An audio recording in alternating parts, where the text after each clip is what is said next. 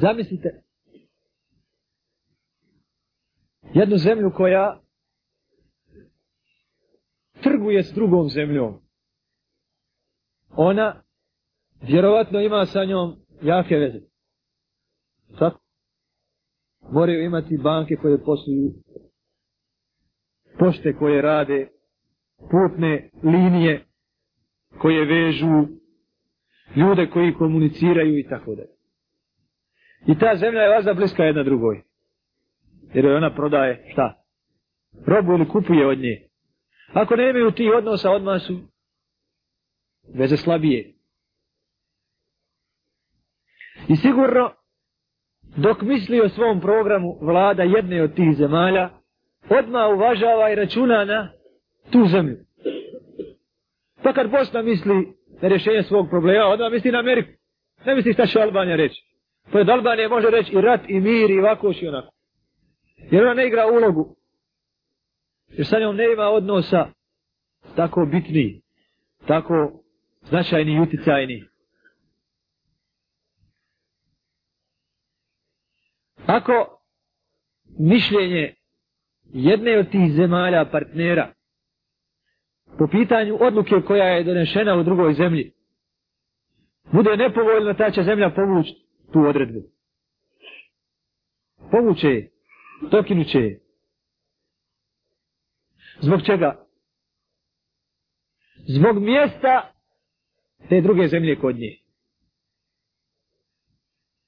To smo uzeli da se poslužimo. Allahov poslanik sallallahu alaihi wa sallam kaže da kuća na zemlji na kojoj ili u kojoj kojoj se uči Kur'an je za stanovnike nebesa šta? Svijetli kao za stanovnike zemlje zvijezda. Kao za stanovnike čega? Nebesa zvijezda. Zašto ne? Zašto ne?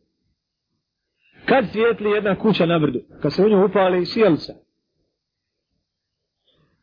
Kako ne bi svijetlila kuća na zemlji stanovnicima nebesa, melekima?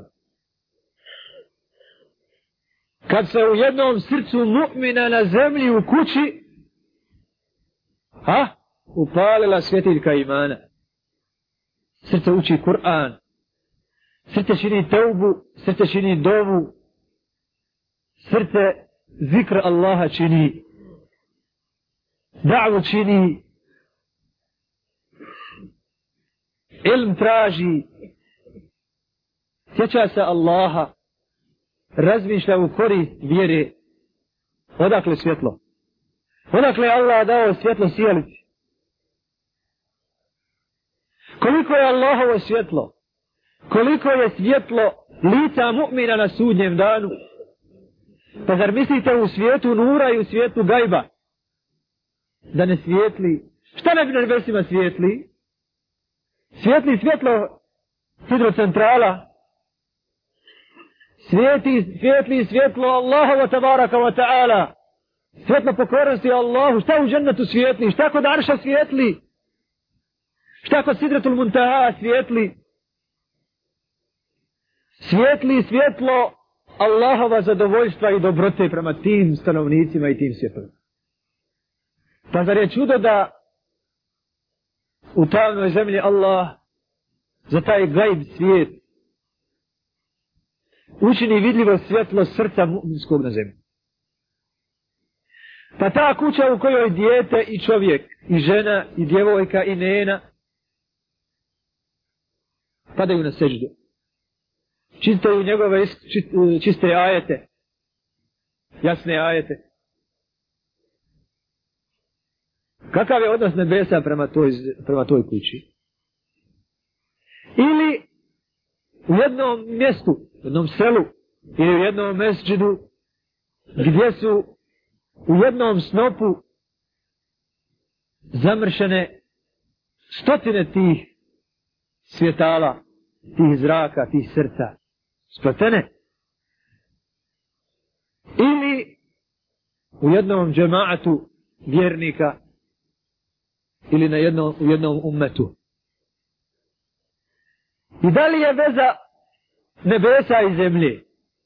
I veza Allaha tabaraka wa ta'ala prema robovima?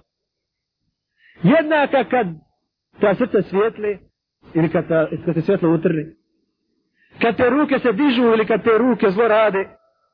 Kad ta jezik zikri ili kad ta jezik nagovara na rat protiv Allaha i podstiče. Je li odnos Allahov tabaraka wa ta'ala jedna da li je znači otvorenost kapija nebesa prema jednom mjestu ili jednom čovjeku ista prema jednom mjestu ista prema jednoj državi ista prema jednom narodu ista nije i ona zavisi od veze tih ljudi sa Allahom tabaraka wa ta'ala. Kao što smo rekli, da ako dvije zemlje imaju unutar sebe firme koje sarađuju, a?